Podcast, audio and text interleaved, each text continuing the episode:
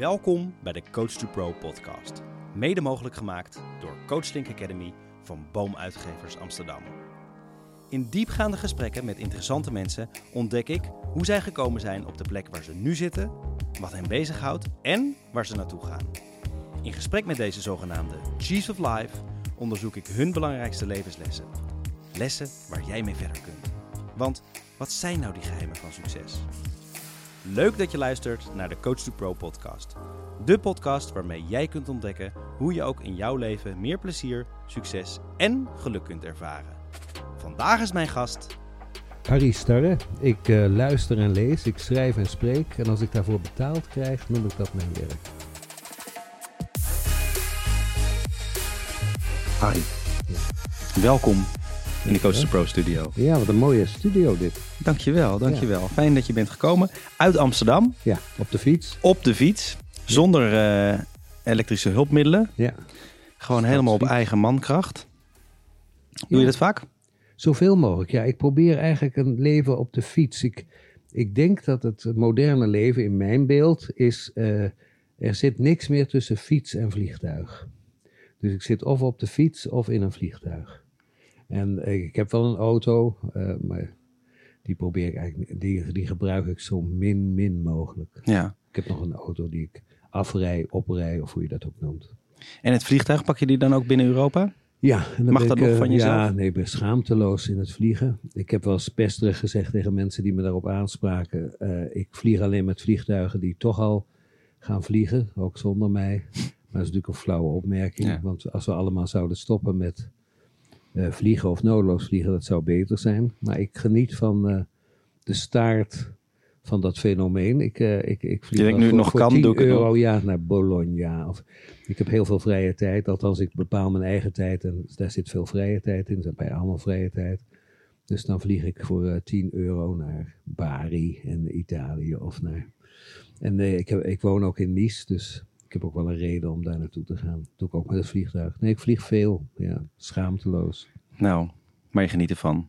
Ja, en ik rook niet. Hè. Misschien mag ik dat dan Ja, dan kan je het wegstrepen? gewoon. Ja, ja, Ja. ja. Als je af en toe nog een boom plant ook, dan uh, zit je volgens mij ja, weer helemaal dat in vind ik helemaal krankzinnig. Of bij Shell, dat ze dan vragen of je nog een extra bij toelage wil geven. Als je tankt om, voor, de, voor, voor de natuur of zo. Dat, dat vind ik pas echt schaamteloos. Shell die dan vraagt, heeft u iets extra's over? Wij betalen geen belasting, maar wilt u wat betalen voor duurzaamheid? Ik vind het echt schaamteloos. Schaamteloos bedrijf. Ja. Ja, Durf ik nu allemaal te zeggen, heb ik allemaal voor gewerkt en toen hield ik mijn mond. wordt wel allemaal opgenomen, hè? dat weet je. Ja, dus, uh, ik, inderdaad zei iemand tegen mij toen ik het over Arkin had. Ja, Uh, ja. uh, er zei iemand, nou dan kun je een opdracht van Arkin wel vergeten. En ik dacht, nou ja, dat lijkt me dan niet zo heel erg om daar geen opdracht voor te doen. Heb je voldoende? Ik heb vol, ja, niet alleen opdrachten, maar vooral, ik wil mijzelf graag financieel onafhankelijk weten. Dat is ook zo. En ik denk, als ik nu nog niet zeg wat ik echt vind, wanneer moet het dan Ja, gebeuren? Na ja. mijn dood wordt lastig.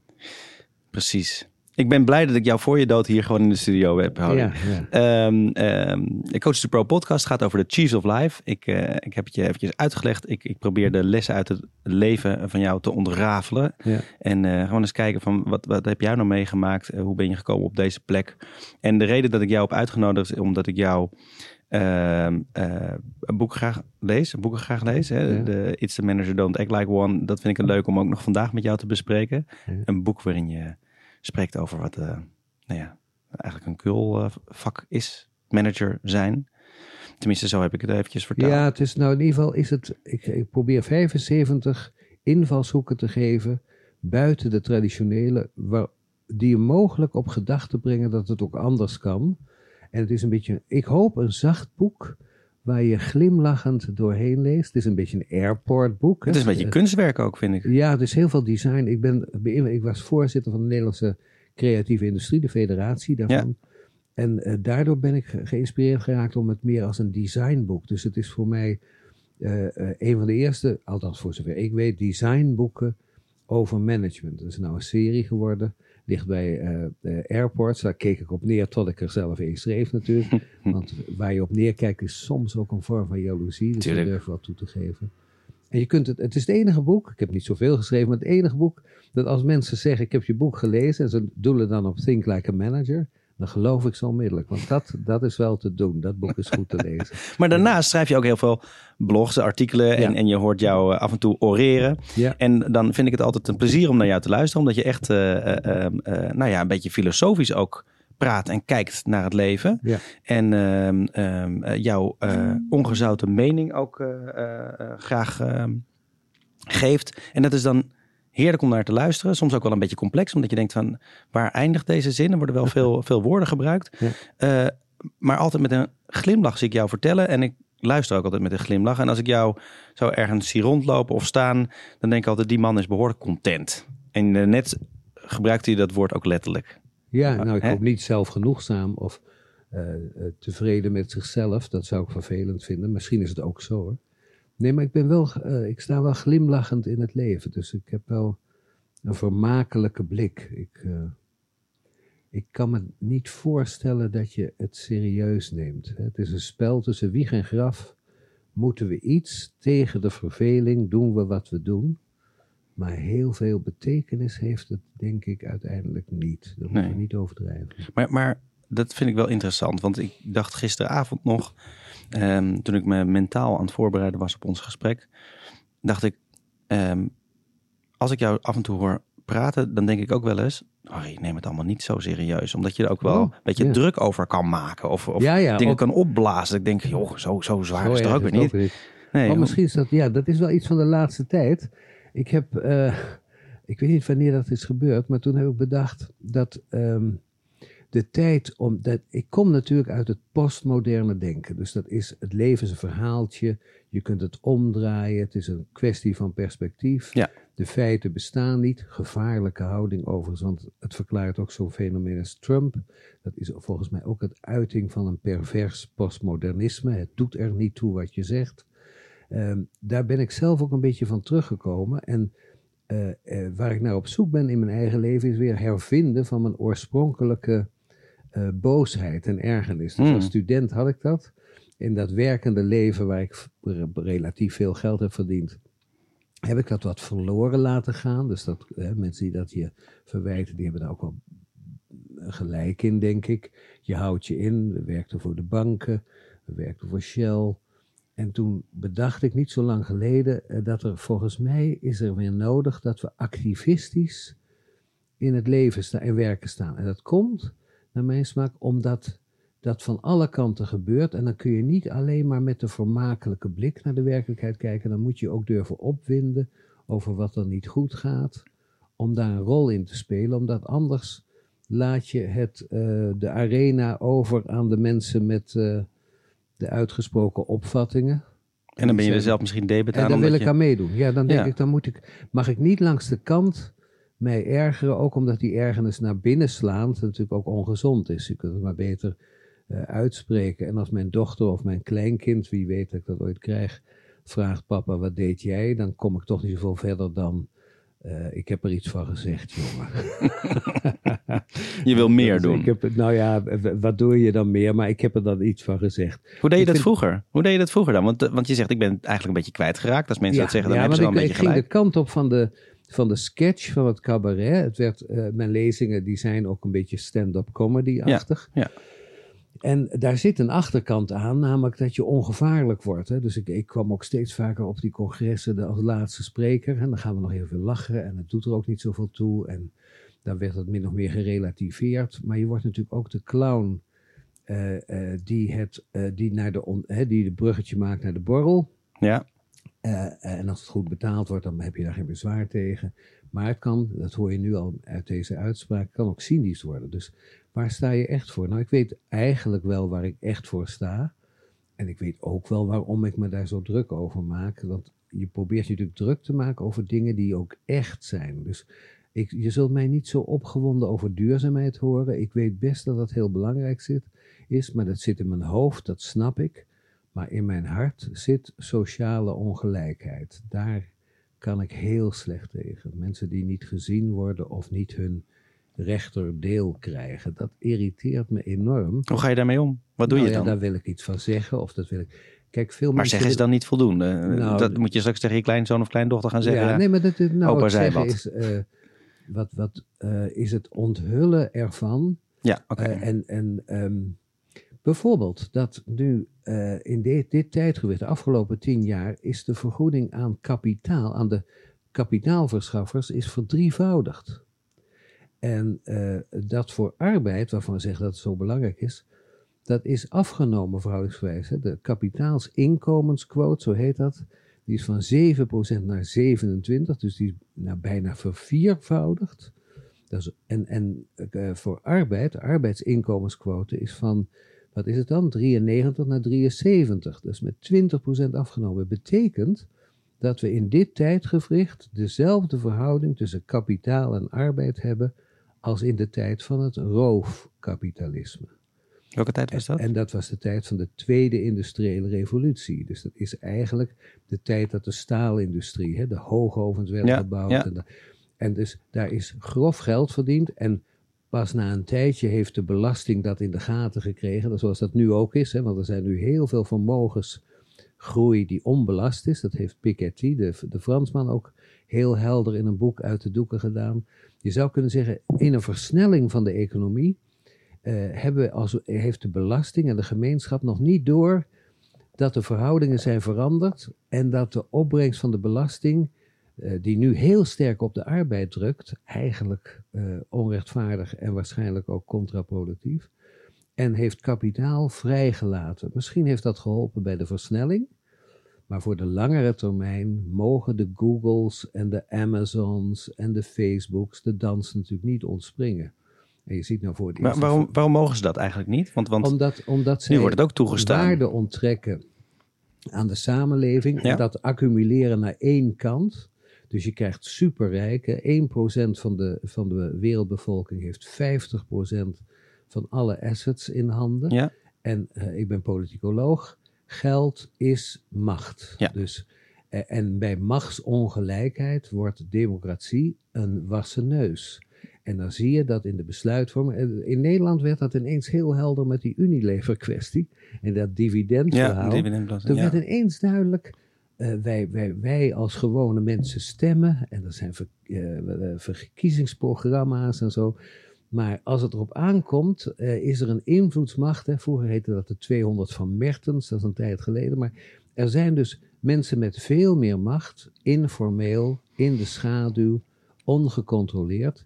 En dat irriteert me als democraat. En het is ook gevaarlijk, omdat mensen die zich niet gehoord weten, bijna altijd radicaliseren. Dus de instabiliteit die wij nu meemaken, politiek, die heel gevaarlijk is in mijn ogen, doet denken aan de jaren dertig van de vorige eeuw, die is mee ontstaan omdat wij onrechtvaardige verhoudingen laten ontstaan.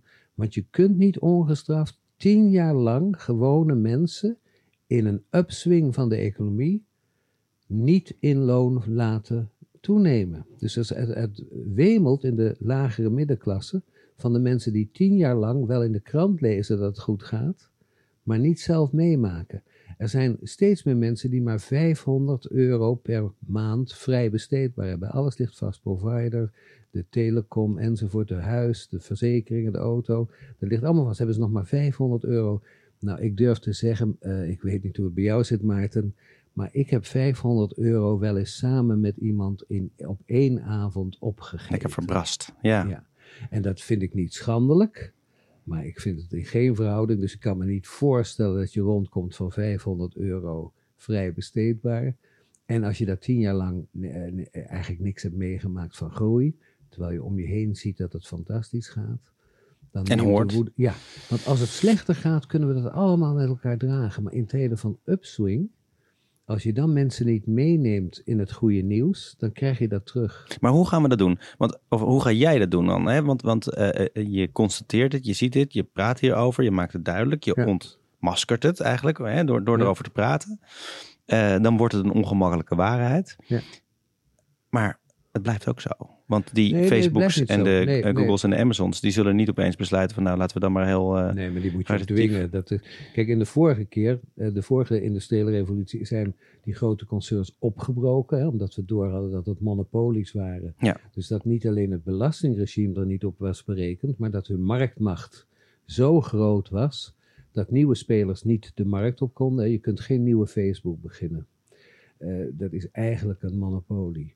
En we hadden ooit afgesproken, staatsmonopolies hebben we afgeschaft, omdat we zeggen, die zijn eigenlijk niet uh, agile, die zijn eigenlijk niet uh, snel, die hebben geen tucht van de markt. Dat geldt natuurlijk ook voor die uh, bedrijven die, zoals Facebook, heeft zo'n beetje ja, ik zou zeggen 70% van de sociale media met Instagram enzovoort. Dus er komt mensen tegen die uit woede weggaan bij Facebook en dan bij Instagram inschrijven. Ja, ja. Uh, en niet doorhebben dat ze aan een ander loket van hetzelfde bedrijf zitten. Dus in die zin zijn dat ook hele gedrochten geworden, niet meer wendbaar zijn. En, en... Ja, ze zullen voor een deel natuurlijk hun eigen grenzen wel bereiken. Dat zie je bij Facebook, hè, dat ze eigenlijk het bedrijf niet meer in handen hebben. Maar je ziet ook politieke druk op Zuckerberg. Er worden fouten gemaakt. En dat is bij die vorige fase, toen het uh, met Bell Company, de telefoonmaatschappij die toen een monopolie had, uh, dat daar ontstaan uh, schandalen. er komt politieke druk, er komt opstandigheid, opstandigheid, er komt nieuwe wetgeving. Ja, dat zien we nu ook gebeuren. Het, voor het, in de Verenigde Staten zijn links en rechts het totaal niet met elkaar eens. Hè. Dat is heel dramatisch. Het is nou, gelukkig in, in, Nederland is dat gelukkig wel zo. Ja, nou, maar je hebt daar, het heet de United States uh, of America, maar het is natuurlijk de Divided States of America. En uh, links en rechts zijn het dus gloeiend oneens, behalve op dit punt. En dat is ook wel veelzeggend. Dus uh, uiterst links en uiterst rechts, maar ook gematigd links en gematigd rechts in de Verenigde Staten beginnen zeer achterdochtig te worden naar Amazon en, en Google. En, en, en, ik denk dat dat een voorteken is van verschuivende panelen, hè, schuivende panelen om het zo maar te zeggen. En, en, en wij moeten dus blij zijn met z'n allen dat jij die jeugdige uh, rebellie weer terug hebt gevonden nu je wat ouder wordt en zegt van ja eigenlijk nou ja, je moet ziet ik dat meer nu... radicalisme. Lubbers zag je het hè, voor zijn dood. Uh, je ziet het een beetje bij Van Acht. Ik wil me daar niet mee vergelijken. Uh, om tal van redenen overigens niet. Maar, maar je noemt ze toch eventjes op ja, in het rijtje met Harry Stoute. Ja, maar dat is een beetje gek natuurlijk. Hè. Ik, ik Napoleon. Maar ehm, ik geloof wel dat mensen die wat ouder zijn, dat die, um, dat fascineert me ook wel als je nou financieel onafhankelijk bent, dus feitelijk onafhankelijk, is het dan niet ook een morele plicht om die onafhankelijkheid ten volle uit te nutten? Dus ik heb het idee dat studenten onafhankelijk zijn. Hè? Ja. Ze hebben weliswaar weinig geld, maar ze hebben geen baan. Ze kunnen zich vrijuit uitspreken. Daar is veel van te verwachten. Maar aan het andere uiteinde van het spectrum zit natuurlijk ook zo'n groep. waarvan je zou mogen verwachten, die zouden nu misschien uh, kunnen uitspreken, waar de mensen met kinderen met een vaste baan of juist geen vaste baan zich uh, ja, een beetje terughoudend opstellen omdat ze niemand willen irriteren. Ze hebben wat te verliezen. Ze hebben wat te verliezen. En de, en de, de, de wat ouderen onder ons, met alle respect, ja. de mensen die met pensioen zijn. Fuck uit, nee, nee. En wat, ga je, wat, wat, wat staat jou dan nu te doen? Nou ja, ik heb een aantal uh, items. Ik ben erg betrokken bij de geestelijke gezondheidszorg. Mijn dochter moet daar gebruik van maken en dus zie ik een beetje hoe dat functioneert. En dat is, ja, Hugo Borst heeft zijn moeder ja. en die heeft gezien hoe het in de ouderenzorg, uh, dankzij mijn dochter heb ik wat meer zicht op de geestelijke gezondheidszorg. Dat is echt vreselijk. Wachtlijsten, kastje van de buurt, dus dat interesseert me. Ik ben erg bezig met die arm-rijk uh, verdeling in een zeer rijk land. Wij zijn het rijkst, nagenoeg rijkste land van Europa en doen net of dat niet zo is. Hè. We zijn een hele lange uh, Nederlandse traditie om je armer voor te doen dan je bent. Ik vraag aan, aan, aan, vrienden van mij waarom is dat? En zeggen ze ja, als ze erachter komen wat ik allemaal heb, dan moet ik in het vervolg alle rondjes betalen in de kroeg. Dat is wel heel Nederlands. Hè? Je doet net alsof je net zo arm bent als de anderen. Ik ken iemand die heeft een Aston Martin, maar die heeft hij dan ergens op het platteland in een schuur staan.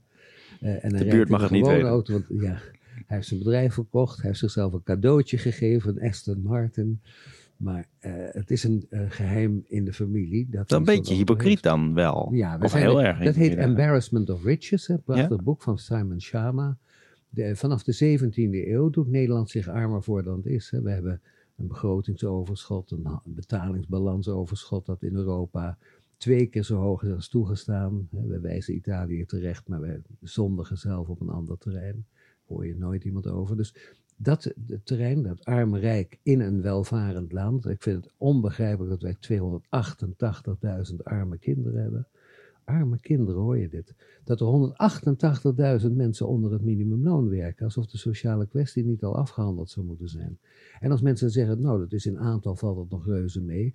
Als het zo'n klein aantal is volgens sommigen, dan had het helemaal kwijt moeten zijn. Dus als het een groot aantal is, is het een schande. En als het een klein aantal is, ook. Ja. Het is in alle gevallen uh, buitengewoon gênant. Maar, dat interesseert me. En dan als laatste ben ik erg geïnteresseerd in management. Uh, en vooral interim management, dat de zaak belazert en van binnenuit bedrijven overneemt of uitnut. Uh, en je zou kunnen zeggen de inside jobs uitgevoerd door managers die misbruik maken van een machtspositie. Dat houdt me ook wel bezig. Dat zijn drie. Hm. Maar dat, je zegt bij alles, dat, dat vind ik ook wel interessant, of dat intrigeert mij, of uh, daar erger ik me aan. Ja. Maar wat doe je? Wat doe je daarin? Want, nou want jij hebt nu dus eh, eigenlijk die ruimte hè, waarvan je net zegt. En ik neem dat mee in lezingen. Dan, dan we vragen mensen om een vrolijke lezing. En dan stop ik er toch ook die 188.000 mensen. Ja, je confronteert ze. Ja, en, dan, en uh, bij, bij VNO spreekt ze dan over Amerikaanse bedrijven die dat doen. Maar ja, die werken wel onder Nederlandse wetgeving in Nederland, dus dat is eigenlijk heel flauw. Dus je ziet uh, dat het onwelgevallig, je zei dat net, dus ik neem het van je over, het zijn onwelgevallige waarheden die de sfeer in sommige kringen enigszins verpesten. Het woord kapitalisme maakt je al meteen tot iemand waarvan ze zeggen, moeten we nu wel doorpraten, is een erg ouderwetse term. Maar juist in die afspraak dat zo niet te noemen, juist in de afspraak, we zijn welvarend. Nou, we is een hele bepaalde groep, wel een hele grote in Nederland, gelukkig. Maar er lopen toch een aantal mensen de boot aardig mis. En ik vind dat we dat aan de orde moeten stellen, omdat het op langere termijn, je kijkt naar onze politieke stabiliteit. Hè. We hebben een regering met één stem meerderheid, één zetel meerderheid. Dat is eigenlijk voor een volwassen democratie die iets wil bereiken onverdraaglijk. Ja, ik vind het, ik vind het mooi. Want wat ik wel ehm, interessant vind, is dat jij het op een hele mooie manier kan brengen ook. Hè? Het is leuk om te luisteren wat je zegt. Ook tussen de, een beetje clownesk. Tussen, tussen, tussen de, alle lezing, serieuze lezingen en dan naar de borrel toe. Um, en ik hoorde ook wel een, een, een dualiteit in. Um, want aan de ene kant ben je die moraalridder die vertelt eigenlijk jongens, dit zouden we toch niet moeten kunnen toestaan. Dit kan toch niet. Het, dat is toch eigenlijk belachelijk voor woorden. Aan de andere kant grapje op het moment dat ik zeg, uh, je vliegt nog wel binnen Europa. Als ja, nou ja, goed, uh, ik, ik, rook niet en ik plant wel eens een Misschien boom. mag ik dat tegen, nou dat plant dat boom, dat was voor jou, want dat doe ik niet. Ben ik gewoon te lui voor. nou, ja. Maar hoe zie je dat dan? Want dat is toch wel iets waar je nou, kan me voor kan moet natuurlijk wel voor. Kijk, ik heb een ontzettende hekel aan mensen die hun verontwaardiging gepaard laten gaan met een boze instelling naar de werkelijkheid. Hè. Ik denk dat je onaangenaam wordt. Hè. Ik, begrijp heel goed dat boosheid onaangenaam kan zijn. Als je meent dat dat ook met een wrokkige houding zou moeten gaan. Ik loop bijna altijd, als ik lekker heb gegeten, naar de keuken om de keuken te bedanken. Uh, ik denk dat ik probeer uh, uh, iedereen die mij helpt, op van dienst is, daarvoor te bedanken. Eh, ik probeer een wellevend mens te zijn. Ik probeer aandacht te hebben voor mijn buren en hoe het met ze gaat. Ik probeer goedemorgen te zeggen. Allemaal dingen die te maken hebben met kwaliteit van leven. Een goed mens. Een goed mens. En uh, mens met SCH. En daar, uh, maar dat betekent ook weer niet dat je in die bonhomie, zoals de Fransen dat zeggen, uh, zonder enige angel uh, uh, naar de werkelijkheid kijkt, dat alles zo wel goed is. En ik denk dat dat voor ons soort mensen, OSM, wel klopt. Hè. We hebben het fantastisch. Ik heb het ons soort mensen, hoe bedoel je dat? Dat bedoel ik mensen die uh, hun eigen werktijden kunnen bepalen, die hogere tarieven kunnen rekenen, die veel kunnen vliegen zoals ik, die vermogen hebben. ondernemers betalen in Nederland verhoudingsgewijs, en ik woon ook in Frankrijk, Frankrijk heeft, heeft, een ondernemer het echt veel slechter dan in Nederland. Wij hebben eigenlijk een enorm riant belastingstelsel voor ondernemers. Ik heb veel meer aftrekposten dan ik als werknemer had. Dan was ik een sitting duck, hè. daar kon, je, kon ik geen kant op. En nu als ondernemer verdien ik uh, misschien wel hetzelfde als toen ik in loondienst was, maar ik hou er veel meer aan over. Ja.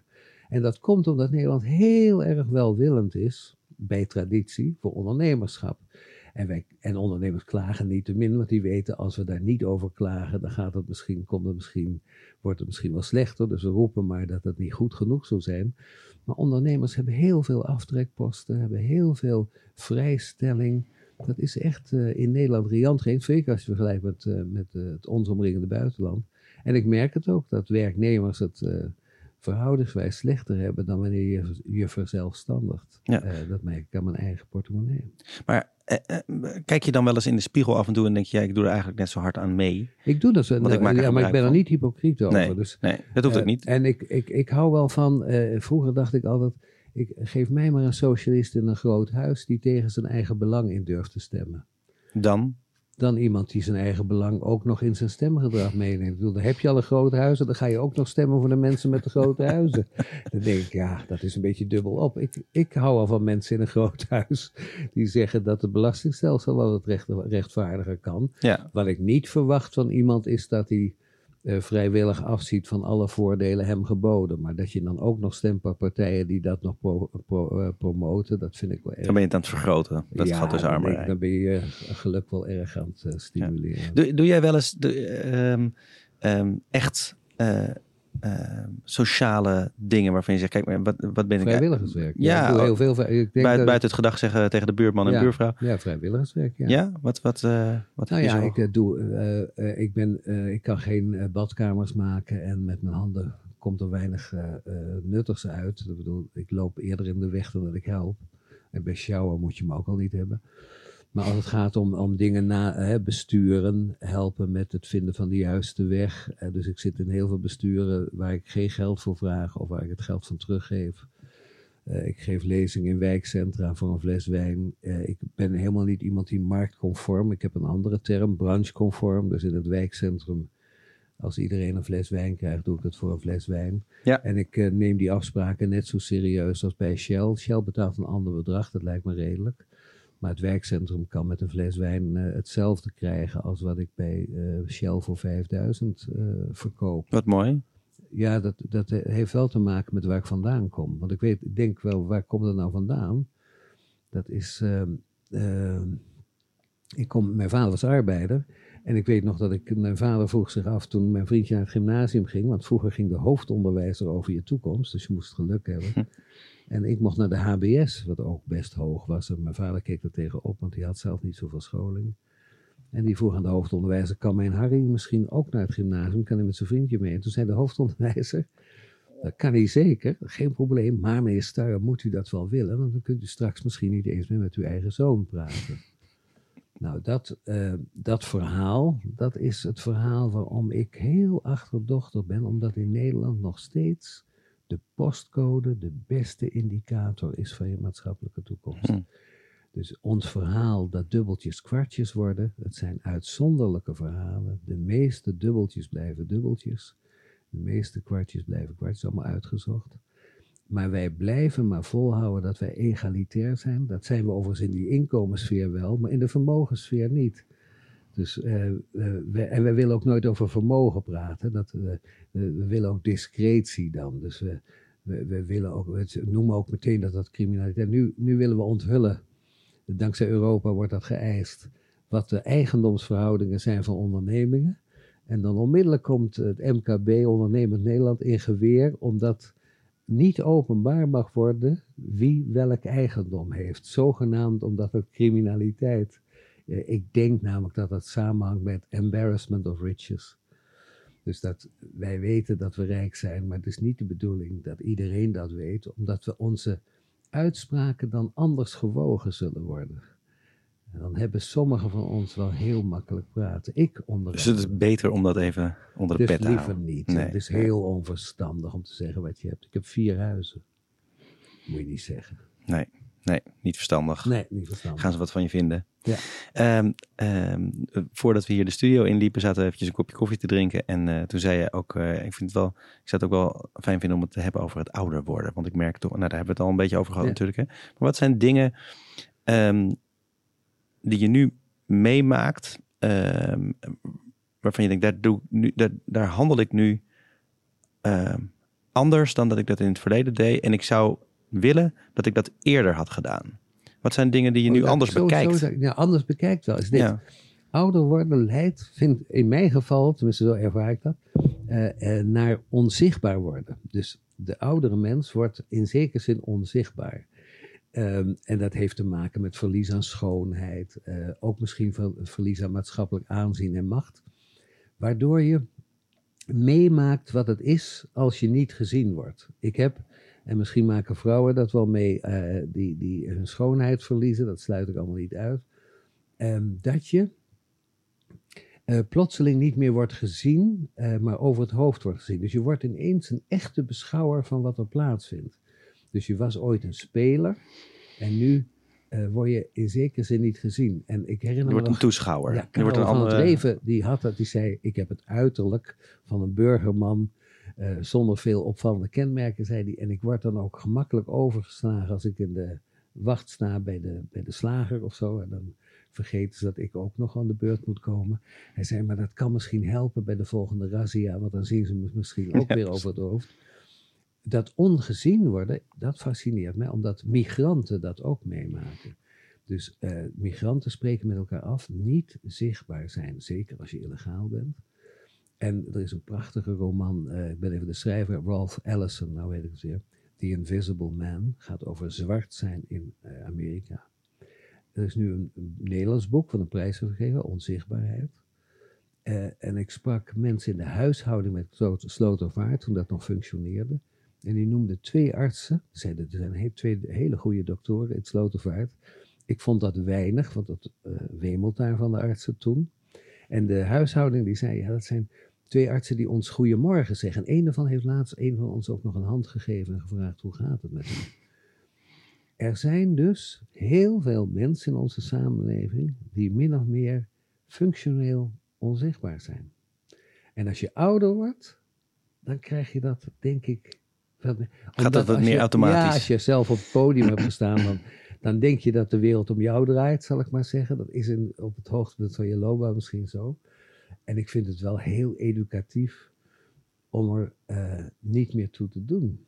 Zorgt het er wel voor dat jij nu, uh, want je zegt dat ik vind het heel educatief om, om, er niet meer echt toe te doen. Uh, maar ik hoor ook die behoefte erachter van gezien worden. En het valt je dus op dat je wat minder gezien wordt. Ga je dan ook harder werken om gezien te worden? Ga je dan nou, radicalere dingen ja, zeggen? Ga je dan... Ja, dat zou allemaal kunnen. Ja. Dat is psychoanalytisch wel verklaarbaar. En dan zeg je compensatie en toch in het... Ik heb... Uh, ja, in hoeverre ken je zelf. Maar ik heb uh, niet het idee dat ik nou ontzettend hunker uh, naar aandacht. Dat is volgens Je bent al voldoende gezien. Uh, ja, en ik heb, ben niks tekort gekomen op dat maar terrein. Is dit dan ook een, een, een les, uh, als je hem voor jezelf bekijkt, is het dan eentje waarvan je zegt, ik moet dit nu leren, ik mag wat meer naar achteren leunen of wat meer onzichtbaar zijn? Of ik had het eigenlijk al veel eerder moeten doen. Ik had het eerder moeten zorgen dat ik nou ja, dat is natuurlijk het nut van ouder worden. Dat je, ik, ik ben ooit dood geweest, heel kort, en toen twee, 52 was, dan stond mijn hart stil. En ik leef in blessuretijd, dus ik, heb een dankbare periode. Na mijn 52 heb ik ook al besloten, ik ga weg bij de baak. Daar heb ik nog lang over gedaan om dat te doen. Uh, maar ik geloof wel dat het uh, goed is om, uh, um, hoe zeg je dat nou? Een, een, zekere afstand. Zoals je in het begin van je leven afstand hebt tot het. Ik weet nog dat ik met een zekere afstand en ironisch naar werkende mensen keek toen ik student was. Ja. En ik verdiende op allerlei manieren bij. Dus ik had eigenlijk een hoog, goed inkomen. En niet allemaal uh, uh, aan de belasting opgegeven in die periode. Dat is verjaard, hè, dus daar praten Kan je gewoon zeggen. Over. En uh, toen keek ik altijd een beetje meelijwekkend naar de mensen waar ik later natuurlijk deel van uit. De zakenman. De zakenman. En dat heb ik nu weer. Dus ik kom wel vrienden tegen uit de periode dat ik actief was. En die in de Utrechtse staan. We moeten elkaar zien. Oh, wat leuk dat je jou ziet. En die laten dan hun secretaresse bellen. dat vind ik ook al een fenomeen. En die dan zeggen, hij wil heel graag, hij vond het zo leuk, uh, om elkaar eens te zien weer. En uh, dat hoeft helemaal geen onderwerp. Uh, en kan ik een afspraak maken, zegt die secretaresse. En die schrijft dan, maakt dan een afspraak over zes of zeven weken. En daar moet ik wel een beetje om beginnen. Ja. Omdat ik ook weet dat een, een dag of drie, vier voordat dat plaats gaat vinden, dan weet je wat er gebeurt. Ja, ja. ja dan ja. wordt die afspraak afgezet. Tuurlijk, ja, want dat is even belangrijke dingen. Al, dat komt nu niet zo uit. En ik was net zo natuurlijk. En ik, ik vind wel dat je helemaal ingesnoord bent. En mijn dochter zei ooit tegen mij, dat was uh, jong en ik was uh, relatief jong, maar toch wel heel veel ouder. En die vroeg ze aan mij toen ik zei, daar heb ik geen tijd voor. Maar papa, je bent toch de directeur? En dat vond ik wel pijnlijk. Want de directeur was degene die het minste over zijn eigen tijd ging.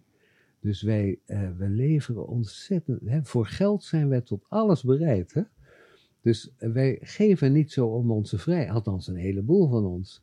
En dat heb ik wel heel erg gevoeld toen ik wegging. Op mijn twee, dat is 57, dat is natuurlijk riant om dan te stoppen. Dat ik wel dacht, nou neem ik weer, nou krijg ik weer de beschikking over mijn volledige eigen tijd. Ja, en nu mag ik weer wat meer die afstand ook nemen ja, en kijken. dan is het natuurlijk leuk zijn. pesterig als ik dan vrienden tegenkom die nog CEO ergens zijn of zo.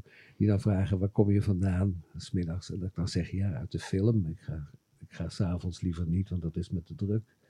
Dan zie ik ze denken, ach ja, ja. Zo kan het ook. maar wat zou je die mensen dan willen meegeven? Want je hebt dit zelf ook meegemaakt. Nou je geniet er nu van. De wereld aan vlijt en onder gaat. Dat wij, kijk eens wat er teweeg gebracht. Dat is natuurlijk indrukwekkend. Maar het is ook deerniswekkend. Hè? Met, met al die duurzaamheidsgevolgen. Dus je zou willen zeggen, niet zozeer, ik ben een beetje achterdochtig als mensen enorm hard gaan werken aan die duurzaamheid. Want dat hele harde werk heeft ons ook hier gebracht. En ik wantrouw dat hele harde werk. Ja.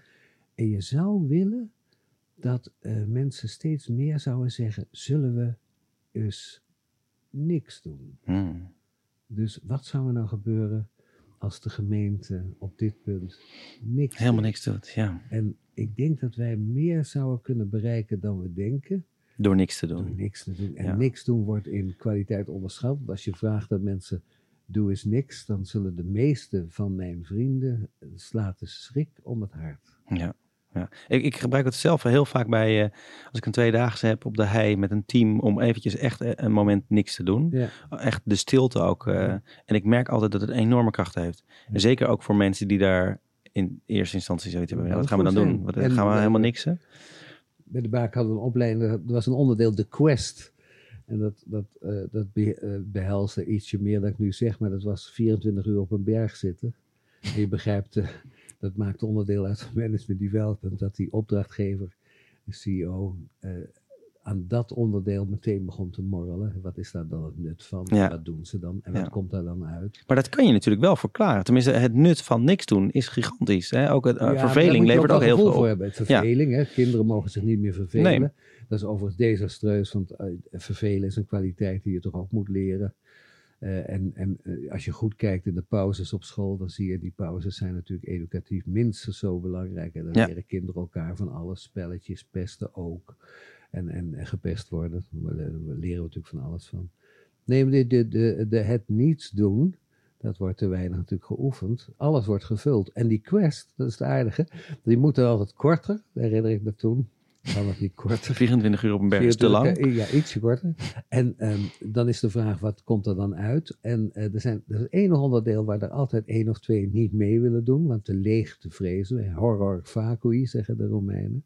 Vrees voor de leegte. En het is het onderdeel wat, uh, ja, het, ik wil niet zeggen het best, maar toch wel heel hoog wordt geëvalueerd. Omdat natuurlijk daar gebeurt uh, iets dat onontkoombaar is. Dus er komt wel eens iemand de berg af die zegt, ja, ik ga met mijn vrouw praten, want zo kan het niet langer. En er komt ook wel eens iemand de berg af die zegt, uh, ik ga mijn baan opzeggen, want ik wil zo niet langer. Dus het is, we weten ook best waarom we de stilte vrezen, omdat die ons confronteert met onze innerlijke gedachten. Ja, maar wel iets oplevert, wat eigenlijk dus al heel erg aan de oppervlakte sluimert, vaak langer. Ja.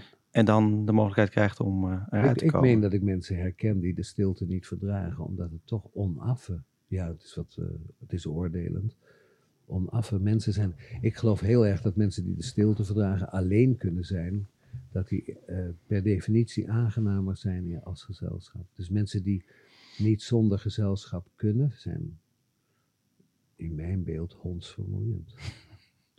ik kan me ook wel voorstellen dat je bij die mensen dan ook gewoon lekker kan oreren. Die zijn ook lekker stil, die luisteren gewoon goed. Ja, misschien is dat. Het is allemaal. Ja, dat is dat, dat alles wat je zegt pijnlijk is. Dat vind ik eigenlijk ook wel, ja. Wat, uh, wat ik uh, ook wel, uh, als je het hebt over pijnlijk en het doorbreken van stilte, vond, was dat ik jouw post op LinkedIn lag, las op het moment dat de baak werd overgenomen. Ja, toen uh, voelde en proefde, anderen. ja, toen voelde ik en proefde ik toch een behoorlijke woede bij jou ook. Nou, ik weet niet of woede het goede woord is, maar ik wel echt het kwam wel uit de, echt uit je tenen. Kwam ja, het, hè? ja, omdat natuurlijk. Kun je er iets over delen? Nou, Wat- ik heb wat- natuurlijk heel wat veel gebeurde eh, daar? tijd eh, in zitten. Ja, de Baak ben jij 12 jaar directeur van Ja, geweest? 15. 15 zelfs. en dat is- jaar algemeen directeur wel. Oké. En, Maar- en, en die is laatst overgenomen en daar was je niet zo happy mee? Of ben jij niet zo happy mee? Nee, niet zo happy. of is het alweer veranderd? Ben je inmiddels... eh, Nee, nee, nee, nee. Er, er komt ook een boekje en zo. Oh, kom. En, eh, dus ik, eh, heb er ook wel genoeg aan. het zit je hoog. Maar je, ja, het zit me hoog, omdat profiteert ervan. het een, een klassiek geval is van hypocrisie. hoe heet het nou? Greed, hè? hoe heet het nou? Gulzigheid? Eh, Ehm, eh, greed. In ieder geval geldzucht, laat ik Ja, het dan zo ja. noemen. Dat is ehm, dat je eerst een bedrijf redt als interim manager. Ik eh, ben opgevolgd door, eh, door Arco van Brakel. En eh, die heeft daar het stokje overgegeven. Kennelijk onder dwang van de Raad van Toezicht. Wel vrijwillig uiteraard, we zijn heren onder elkaar. En de interim manager heeft het bedrijf gered. maar daarmee zichzelf niet overgeslagen. En dat laatste, daar word ik altijd een beetje cynisch van. Omdat je dan het bedrijf redt, maar dan kennelijk op kosten van dat bedrijf. En daarna zegt, eh, ik ben wel bereid het eh, over te nemen. En dan verkoop je bijna de helft van het bedrijf aan een concurrent. En je loopt mee in de deal. En dat is echt vloeken in de morele kerk. Ja? De Ja? kerk waarin ik ben groot geworden. Dat je hoort niet eh, mee te delen in een deal die je met anderen sluit. Omdat je dan aan twee kanten van de tafel gaat zitten. Ja. Dat is moreel on... En nou zegt eh, Marcel Wintels, want zo heet hij. De, de- hij, is, hij heeft geprobeerd fractieleider van het CDA te worden. Was dat maar gelukt, denk ik nu. En eh, Want Heeft- dan had hij niet eh, had hij dit in deze... gedaan. Nee, want Maar hij is nu degene die eh ja, en, die, en, dan, en dan 26% van het meerderheidsaandeel, dus 51%. Als je snel kunt rekenen, dan weet je, ik ben politicoloog, dat je dan de macht hebt eh, eh, bij de meerderheidsaandeelhouder. Een soortgelijke constructie is bij Heineken, heeft de Heineken-familie aan de macht gehouden.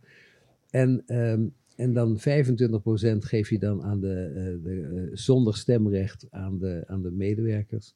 Maar je koopt als het ware tegen een heel gering bedrag, want dat weet ik dan toevallig, het bedrijf. En gaat dat dan over drie jaar, want dan mag hij het verkopen, doorverkopen aan die minderheidsaandeelhouder. Dat is mijn voorspelling, dat is, kan iedereen zien gebeuren, en COI, die een gouden deal hebben gedaan. En je bent eigenlijk dus bezig om eh, de baak, de stichting, in mijn beeld, hè, ik zeg het voorzichtig, op te lichten. Nou, ik zeg het onvoorzichtig, geloof ik.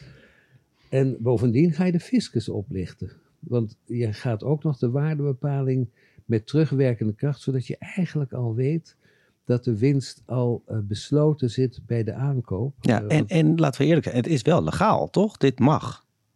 ja, en- en- Het is een beetje moreel, een morele kwestie, Een beetje moreel, ja. Ja, En toch het, of niet? het, eh, nou, het mag eigenlijk, dat, dat Oh, zal straks ook nog wel blijken. Want eh, eh, de, de bedoeling van de fiscus is natuurlijk dat je wel winst mag maken op ondernemen bij aandelen, maar niet winst mag maken terwijl je al we- zeker weet eh, dat je die winst maakt. Dus nee, ik denk dat dit nog wel een staartje krijgt, omdat het natuurlijk oneigenlijk gebruik is van een eh, gat in de wetgeving. Ik, ik denk dat hetzelfde gebeurt als met Henry Keizer en met, eh kom, eh Loek Hermans. Maar waarom, dus zit- waarom zit het jou zo dwars? Nou, Want- omdat, want- ik het, omdat ik het natuurlijk heel pijnlijk vind dat je de, iets wat zonder winstoogmerk 70 jaar heeft gefunctioneerd, dat je dat ten eigen bate benut en die 70 jaar eigenlijk incasseert. Hm, Want hm. er zit heel veel merkwaarde in. En als ik je vertel dat de overname op basis van de intrinsieke, de intrinsieke waarde is, dat betekent voor de leek dat je een winkeltje koopt en zegt: eh, Ik eh, bepaal de waarde van wat er in de winkel staat en dan betaal ik dat.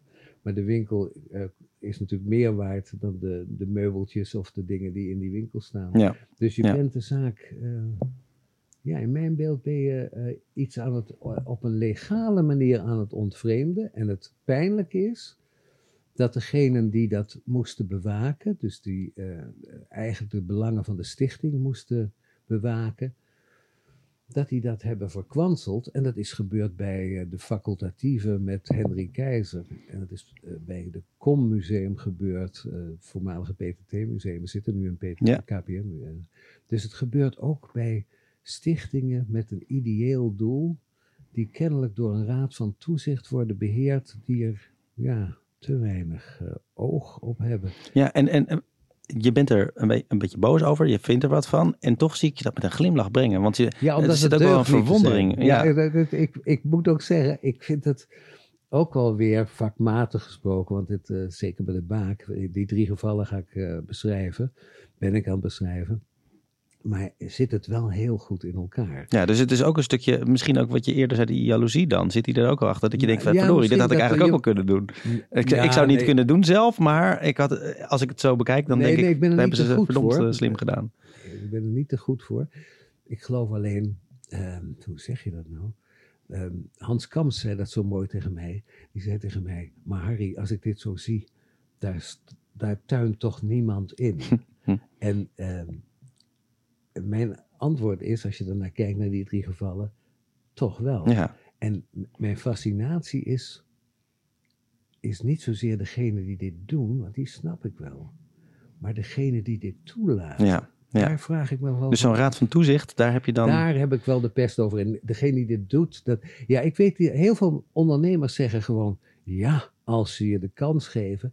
En het gek is, je kunt een leeuw niet verwijten dat hij lammetjes eet. Dus ik heb dat, daarom moet ik over glimlachen. Omdat de leeuw eet lammetjes. Ja. Maar je moet natuurlijk de leeuw niet bij de lammetjes laten.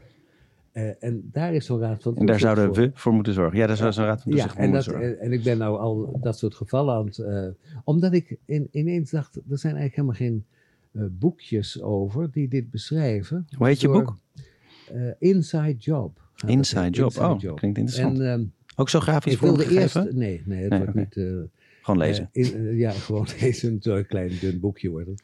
Maar ik wilde eerst Inside Jobs, maar dan denken de mensen misschien dat je dan binnen in het hoofd van Steve ja, Jobs ja, gaat. Ja, dus het heet Inside Job. Hè? Dus wat, wat in het criminele milieu bekend staat als van binnenuit geholpen worden. Ja. Ja, ja. Nou, daar, daar, het amuseert me omdat het vakmatig, het is wel, het is wel een goede um, kraak.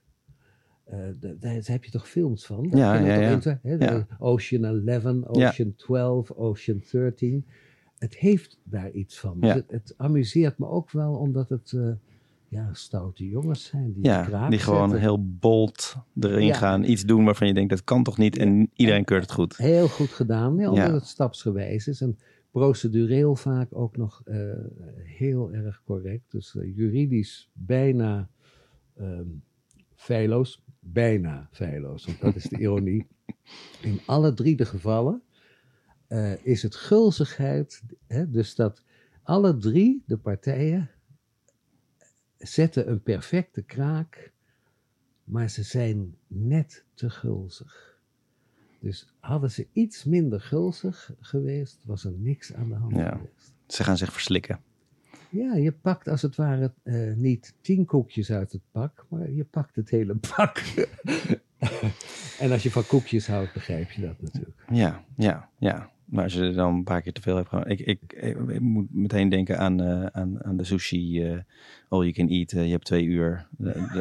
daar start je altijd met het idee wat heerlijk. En je loopt er altijd naar buiten met, nou, dat was net weer te veel. Nee, en het leuke is dat je moet daar afrekenen als je dingen laat staan. Ja, ja, dat precies. Dat is toch wel een goede regeling. Omdat vroeger mensen dan gewoon die hele tafel vol lieten. en nu moeten mensen toch nadenken, kan ik dit ook wel echt op? Ja, ja ik zo zouden ze dat misschien ook wel moeten doen bij dit soort constructies. Hè? Dat als je dan zoveel geld hebt dat je niet meer kan opmaken, dan moet je daar extra belasting over betalen of teruggeven. Of... Ja, dan moet je het ook opmaken ook.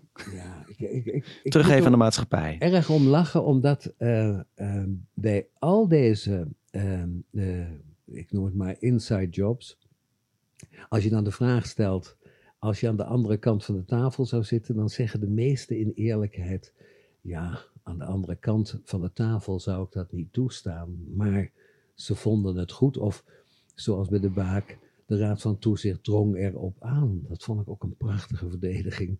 Uh, de Raad van Toezicht drong erop aan. Ja. Dat vind ik ook wel mooi.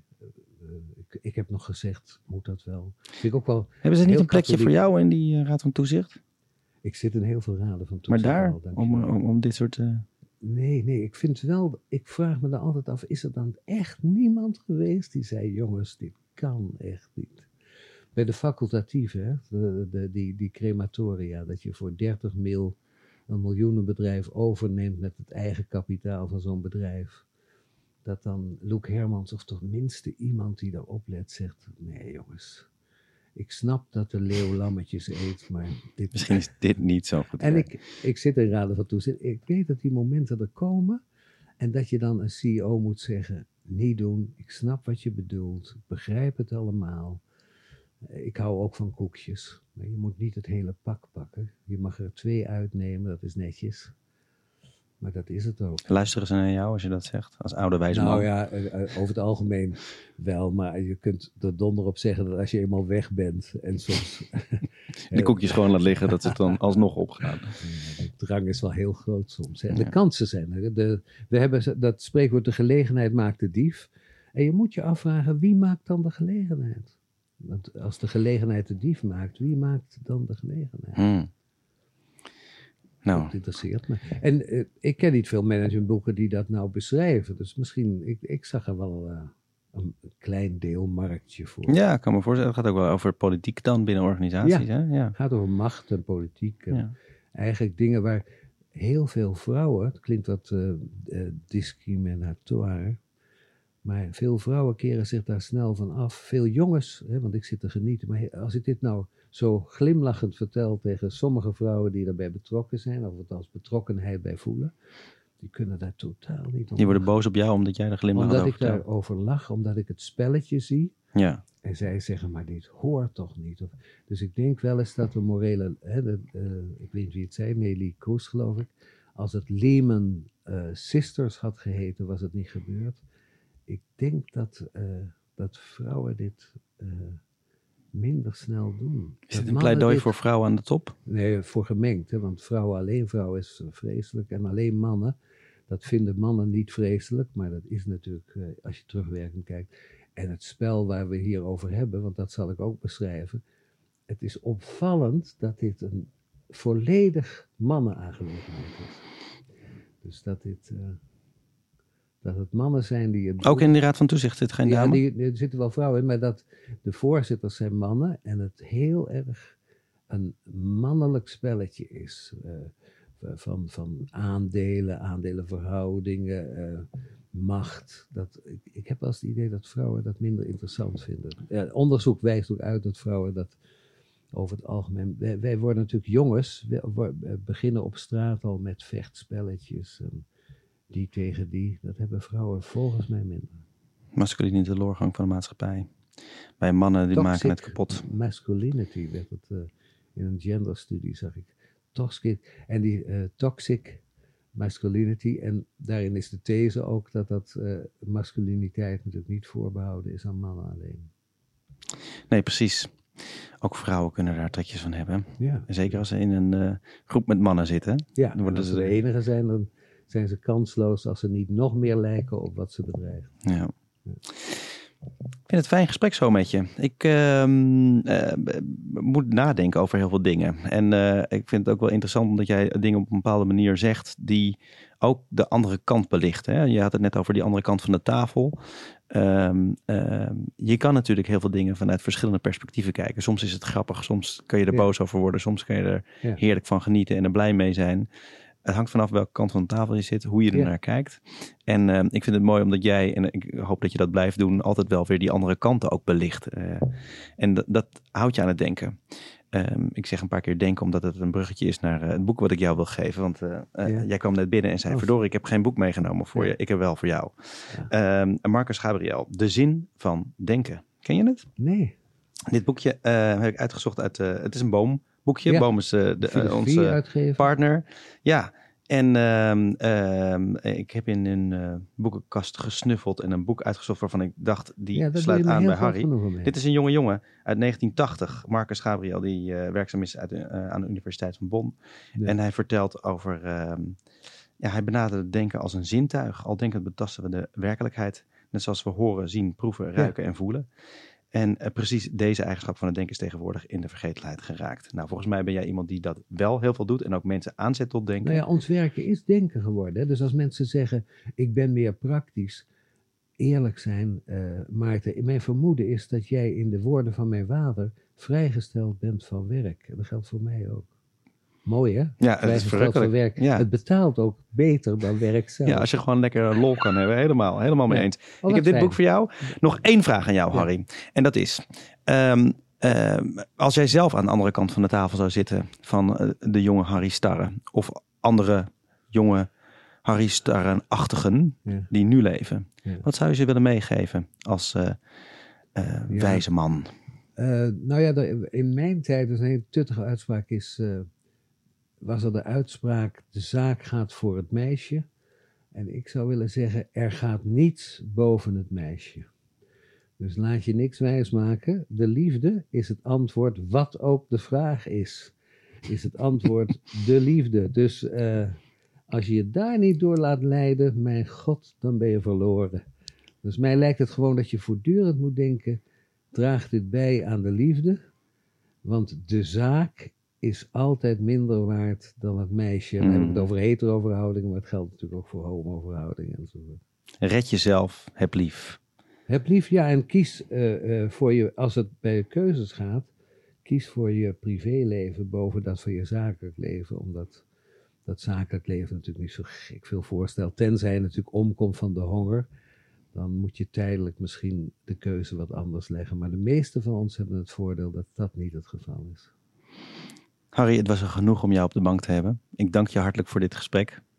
En ik wens jou een fijne fietsrit terug naar Amsterdam. Ja, ja. Ik, uh, heen dacht ik al, mijn god, nou moet ik ook nog terug. Misschien is dat wel wat, uh, wat, wat dat ouder worden ook in zich draagt. Mijn god, nou moet ik ook nog terug. Ja. Dat was een intrigerend gesprek, deze keer met Harry Starre. Die doet eigenlijk alleen nog maar wat hij leuk vindt. En als hij daarvoor betaald krijgt, dan noemt hij het werk. Een constant glimlachende man die zich gelukkig ook regelmatig boos maakt. En zelfs als hij dat doet, stelt hij lachend zaken aan de orde. Hij pleit er dan ook voor dat meer mensen hun stem verheffen en vertellen wat zij vinden. De levenslessen van Harry op een rij. Je kunt maar beter voor je dood zeggen wat je op je hart hebt, want na je dood wordt lastig. Dus durf je op te winden en druk te maken over dingen die niet goed gaan. Zeg er wat van, anders ben je gewoon deel van het probleem. Sociale ongelijkheid moet worden onthuld. Het is onvoorstelbaar dat op vermogen zo weinig belasting wordt geïnd. De grote bedrijven onttrekken waarde aan de samenleving, maar worden er alleen zelf rijker van. Geld is macht en zo wordt de democratie om zeep geholpen. Je moet ze dus met regelgeving dwingen om een stukje van die macht in te leveren. Anders vraag je eigenlijk om radicalisering. En als je student of financieel onafhankelijk bent, moet je het voortouw nemen om daar wat van te zeggen. Het zou eigenlijk je morele plicht moeten zijn om je uit te spreken. Meer activistisch in het leven te staan. Anderen hebben namelijk wat te verliezen en houden hun mond. En als je ouder wordt, verlies je jouw zichtbaarheid. Je wordt dan meer een toeschouwer dan een speler in het leven. En dat geeft ruimte om te zien wat er echt gebeurt. Je beseft dan dat de wereld niet om jou draait. En dan is het ook hypocriet om alleen aan jezelf te denken.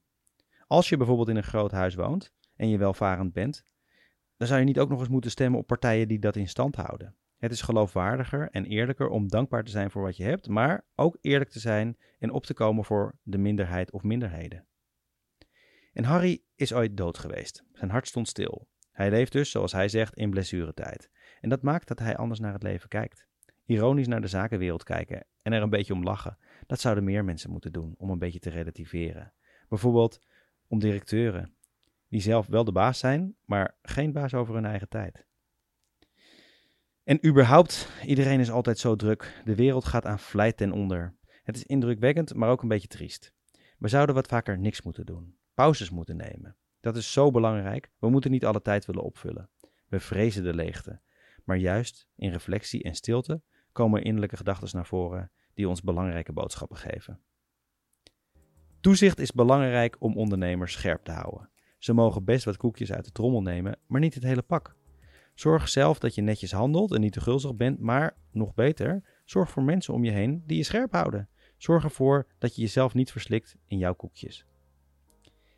Besef dat we leven in een wereld vol toxic masculinity. We moeten zorgen dat we meer vrouwelijke energie in raden van bestuur krijgen. Gemengde energie dus. Niet alleen vrouwen of alleen mannen. Vrouwelijke vrouwen zijn.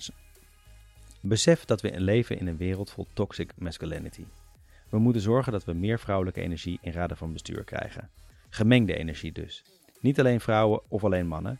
Vrouwen zijn schappelijker en moreler dan mannen. Werk gaat voor het meisje. Ja, dat zouden we echt moeten vervangen door er gaat niets boven het meisje. Liefde is het antwoord op alles, zegt Harry. Kies voor je privéleven boven het zakelijke leven. Nou, het boekje Inside Job van Harry Starre, dat komt er dus aan. Hij is druk aan het schrijven. Hou het scherp in de gaten, want na zijn verhalen kan ik me voorstellen dat je net zo benieuwd bent als ik. Voor nu, dank weer voor het luisteren en dank ook aan onze partner Coach Link Academy van Boomuitgevers Amsterdam. En graag tot de volgende Coach to Pro podcast.